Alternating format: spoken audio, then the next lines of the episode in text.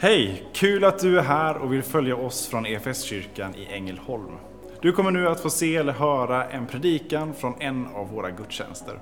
Har du några frågor eller vill veta mer om oss som kyrka så kan du alltid gå in på www.efskyrkan.info. Vill du ha tillgång till mer undervisning eller ta del av våra inspelade konferenser eller gudstjänster gå gärna in på vår play-kanal efskyrkan.tv.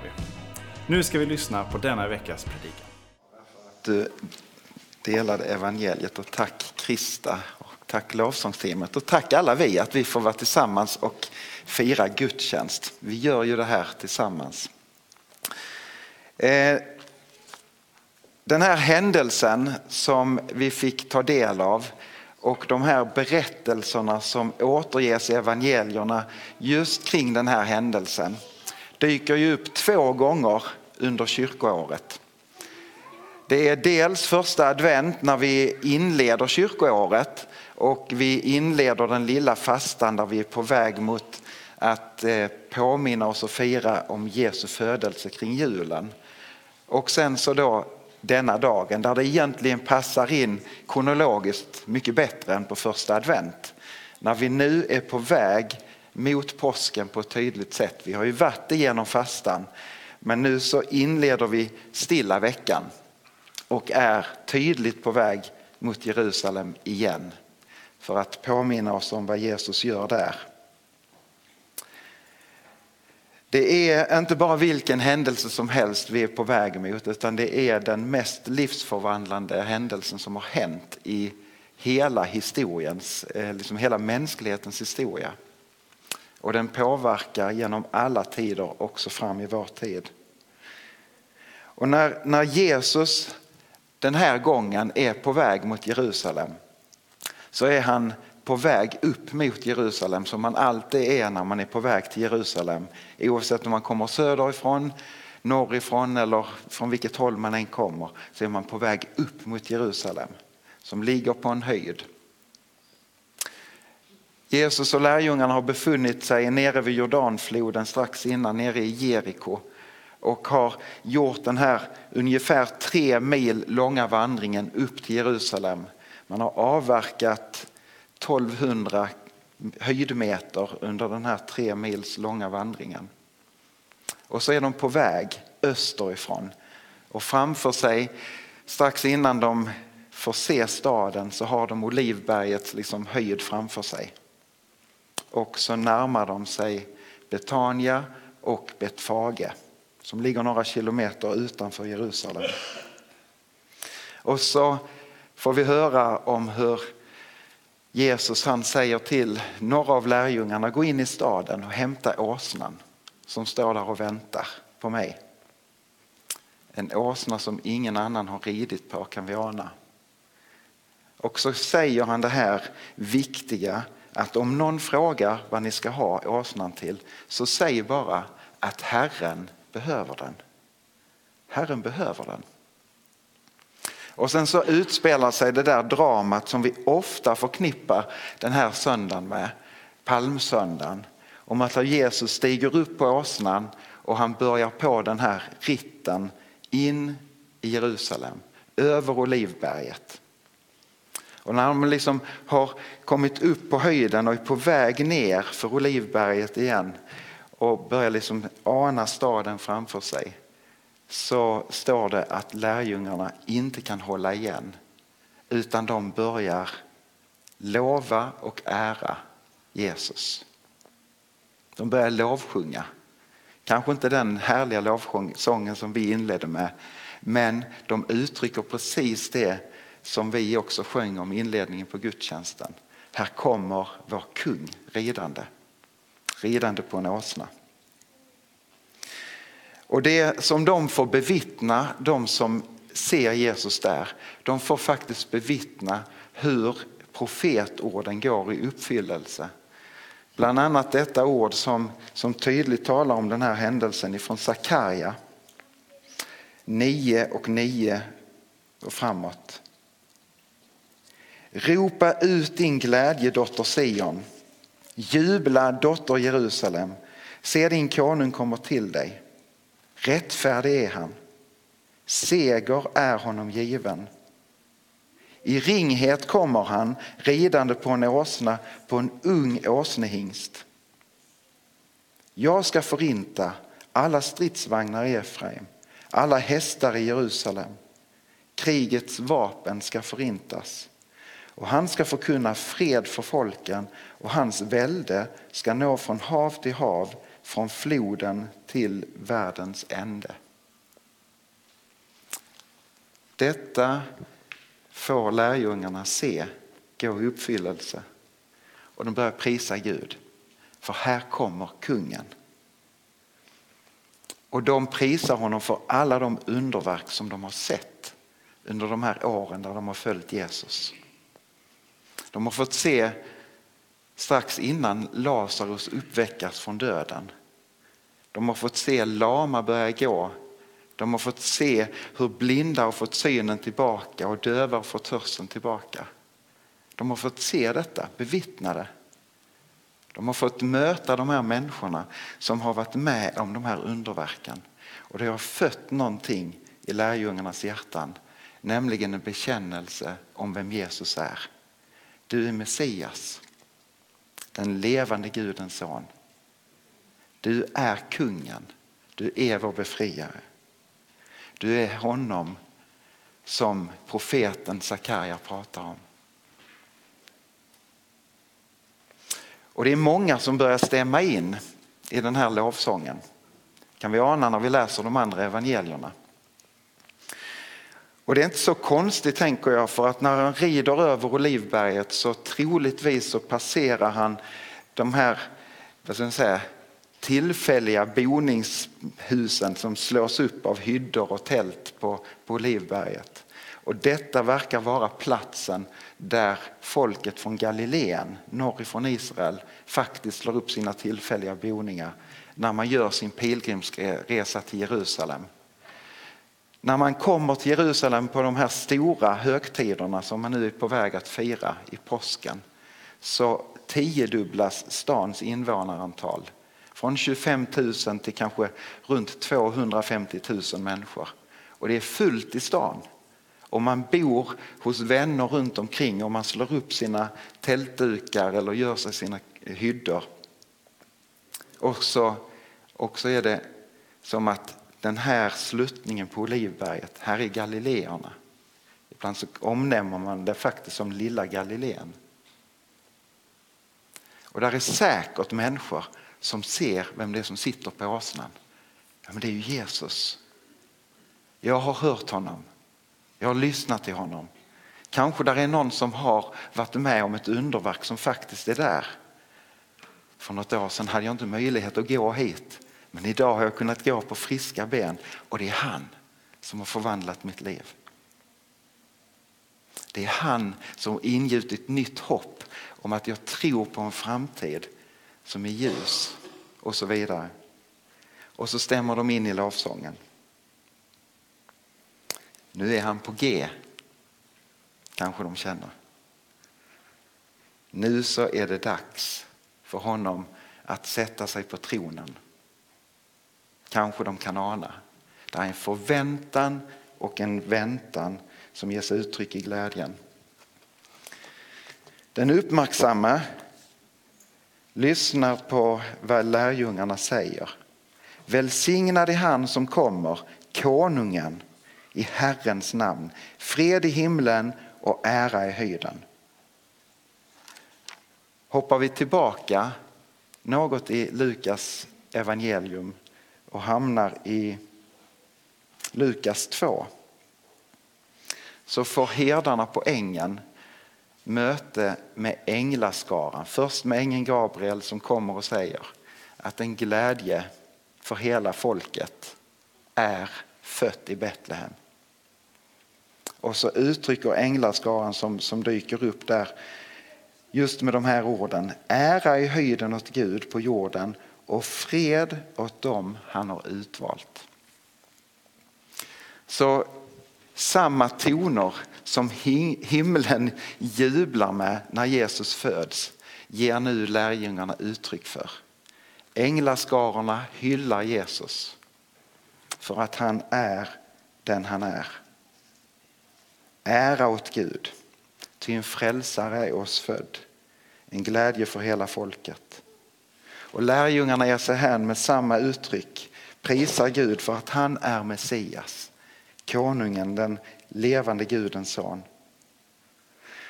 Och så läser vi om hur det också är några fariseer som befinner sig i de här folkmassorna och som försöker tysta lärjungarna. Och liksom tysta ner det som händer. Man kan fundera på varför vill de göra det?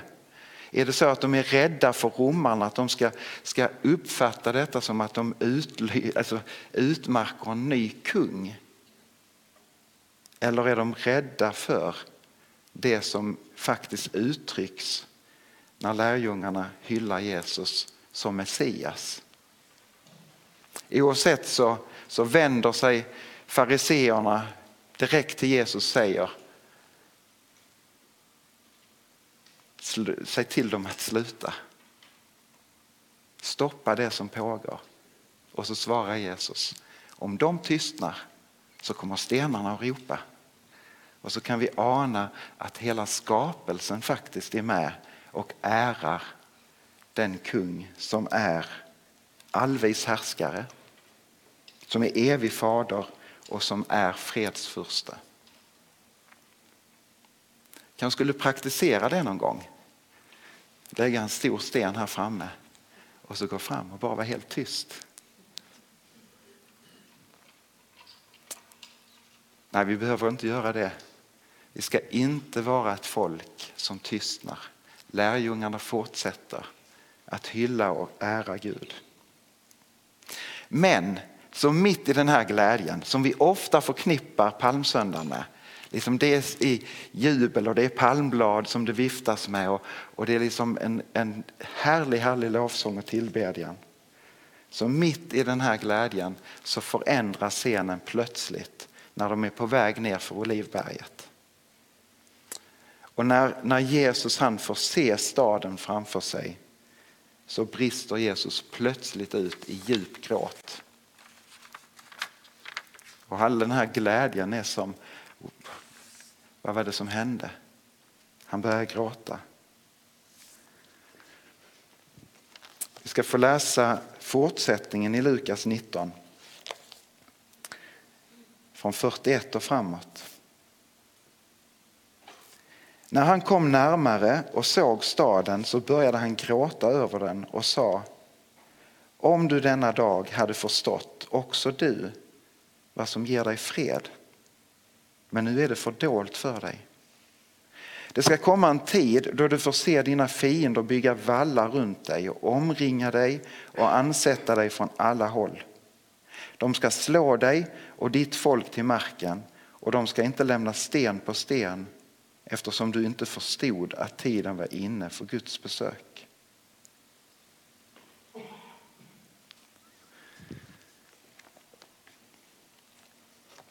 Ibland så har jag funderat på det här. Vad, vad ser Jesus när han ser staden framför sig?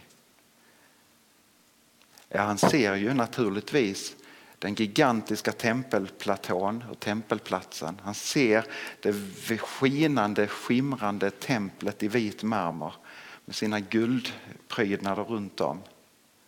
Och han ser liksom festen och glädjen kring påskhögtiden. Men han börjar gråta för han ser någonting annat över den här staden. Den här staden kommer att falla. Den kommer att lida.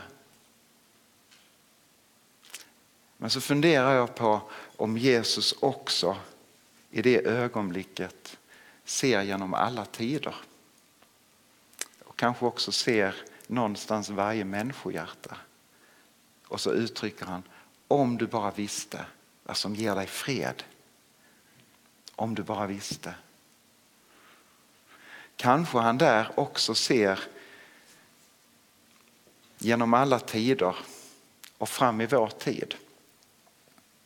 När kriget gör sig påmint i vår direkta närhet. Och städer faktiskt är helt totalt sönderbombade. Det har hänt genom alla tider, tyvärr. Men nu gör det sig påmint igen för oss. Och vi får se vad som kan hända när den onde får spelrum. Och vi kan få se vad som händer när det onda och lögnen får grepp i människor och genom människor. Hur människor faktiskt dör och städer förstörs.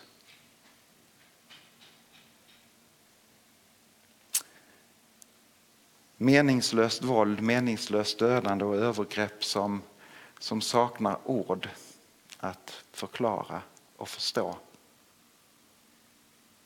Är det så att Jesus också ser fram i vår tid och gråter tårar för de som lider nöd just nu?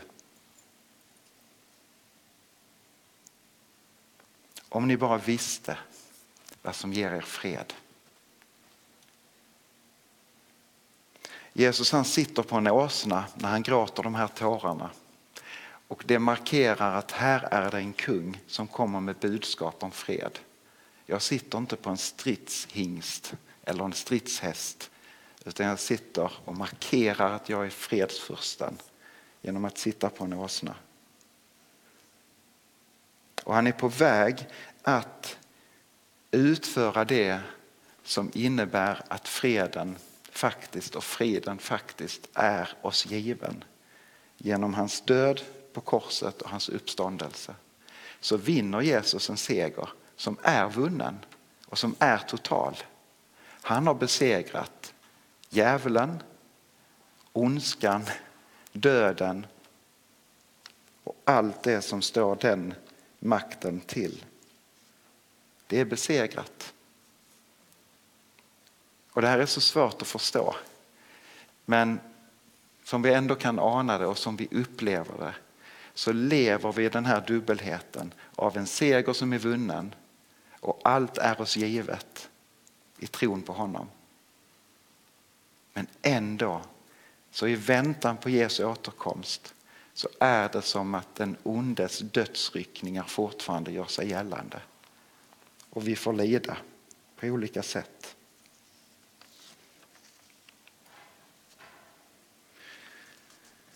Herren behöver åsnan. Jag vill absolut inte likställa dig med en åsna men det skulle vara faktiskt en heder att liknas vid en åsna. För en åsna är inte dum utan en åsna är trogen, en åsna är uthållig, envis och mycket gott kan sägas om åsnan. Herren behöver den. Och Det är kanske en hälsning som Jesus säger fortfarande också fram i vår tid. Herren behöver dig. Herren behöver sin kyrka. Fortfarande. Till den dag han kommer tillbaka i härlighet. Och även om vi har kriget i Ukraina framför våra ögon och blir påminna om det så otroligt mycket så är det så många fler som lider i vår värld just nu. Vi pratade i morse om, om den otroliga misär som är på Afrikas horn som också ligger oss nära utifrån vår missionshistoria och vår, vår närvaro där. Med en svältkatastrof som är vi är mitt uppe i men som vi inte har sett liksom slutet på tyvärr. Och andra konflikter runt om i världen som vi kanske inte alls får höra talas om men där människor lider och där Jesus har gråtit tårar också för de människoliven. Och vi kan inte hjälpa och rädda alla. Vi kan inte det. Men vi kan göra någonting för någon. Och jag, jag, vet inte, jag blir så enormt tacksam att få tillhöra en gemenskap och en kyrka som visar väldigt mycket hjärta och generositet. Vet, förra året så slog vi igen på något sätt ett rekord, det är ingen tävling, men det var ändå ett nytt rekord i vad vi samlade in till missionen där vi skickade vidare, inte så om vårt eget hus utan skickade vidare till EFS utlandsmission, till våra vänner i evangelistutbildningen i Voi och, och så vidare. Ni vet, för några söndagar sedan så samlades också in en kollekt som, som eh, gick direkt till Ukraina och de drabbade där. Där medicinskt eh, sjukhusmaterial och så har köpts in härifrån Ängelholm och skickats ner. Vi vet nu att det är framme. Tänk att en liten församling som vi en sån söndag samlar in över 32 000 kronor. En kärleksgava som gör skillnad.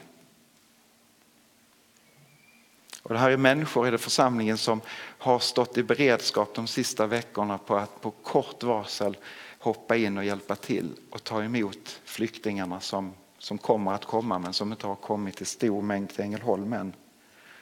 Det är också ett hjärta. Vi kan inte hjälpa alla men vi kan förenas med Kristi kyrka och faktiskt be för alla. Vi känner inte varje situation, men det gör Herren. Att få ropa till honom, att be till honom med kanske ord som vi formulerar eller bara en stor suck eller en gråt. När vi tycker att det ser hopplöst ut och vi inte kanske ens tror på att det finns en lösning så finns det det. Gud är utan begränsningar. Och när vi ber så tänker jag att vi kan på något sätt nästan för att använda krigets språk skjuta missiler med en enorm pricksäkerhet rakt in i människoliv. När vi omsluter människor och situationer i förbön så är det Gud som är och färde, inte vi. Och då finns det ett hopp om framtid. För jag tror fortfarande på Jesus Kristus som har all makt i himlen och på jorden. Också över vår tid. Och det är en Gud som vill fred och som vill fred. Och det är en Gud som vill varje människas frälsning och räddning. Så vill ni tillsammans med mig stå upp en stund eller falla på knä en stund och be. Kanske speciellt för de offer som lider i Ukraina eller på Afrikas horn eller det som ligger nära ditt hjärta. vi låter det vara en stund av bön i tystnad. Välkommen att vara med och be.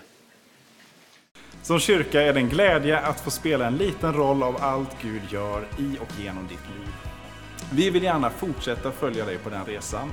Och vill du ta reda på vad ditt nästa steg kan vara på din resa med Gud så gå in på efskyrkan.info nästa steg. Vår längtan är att få se människor och samhällen förvandlade av Jesus. Genom en kyrka som återspeglar Guds hjärta, bär varandra och betjänar människor varhelst vi befinner oss varje dag.